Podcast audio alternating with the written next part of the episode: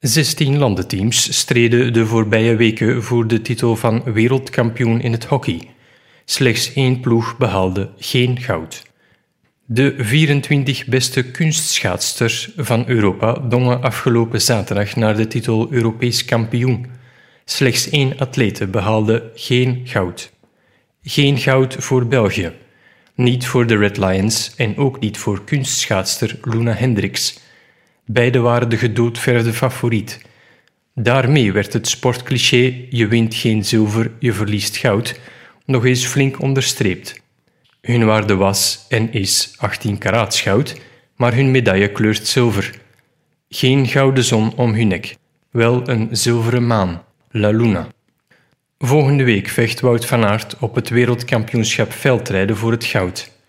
Hoeveel deelnemers daar aan de start staan, is niet van tel. Er telt er maar één, Mathieu van der Poel.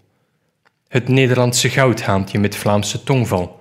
Hoe Vlaams hij ook mag klinken, België zal geen goud winnen als hij als eerste finisht. Wout van Aert zal op elke plek, behalve de eerste, geen goud behalen. Dat zeg ik niet om streng te zijn. Het weerspiegelt de realiteit.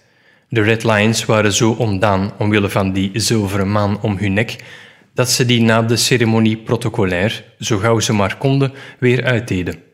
Het gewicht van het zilver woog hen te zwaar. Ze vinden zelf dat ze het goud hebben laten ontglippen.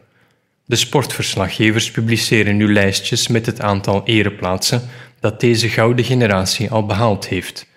Leuk, maar in de hoofden blijft acht medailles goud, zilver, brons op verschillende wereldkampioenschappen toch minder hangen dan Duitsland voor de derde keer wereldkampioen. Ook Luna Hendricks beseft dat. Ze heeft een mooie erelijst, maar als je topfavoriet bent, dan telt enkel de warmgouden kleur van de zon. Tweemaal geen goud. Toch is er hoop. De Red Lions zijn en masse van plan om met de huidige equipe door te gaan tot na het komende EK en de Olympische Spelen in Parijs. En Luna Hendricks was pas dit EK topfavoriet. Ze heeft die rol niet kunnen waarmaken, maar ze is nog lang niet uitgegleden.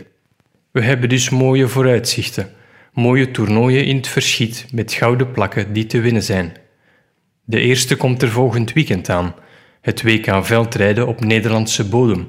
Het terrein van Mathieu van der Poel. Bovendien een thuismatch voor hem.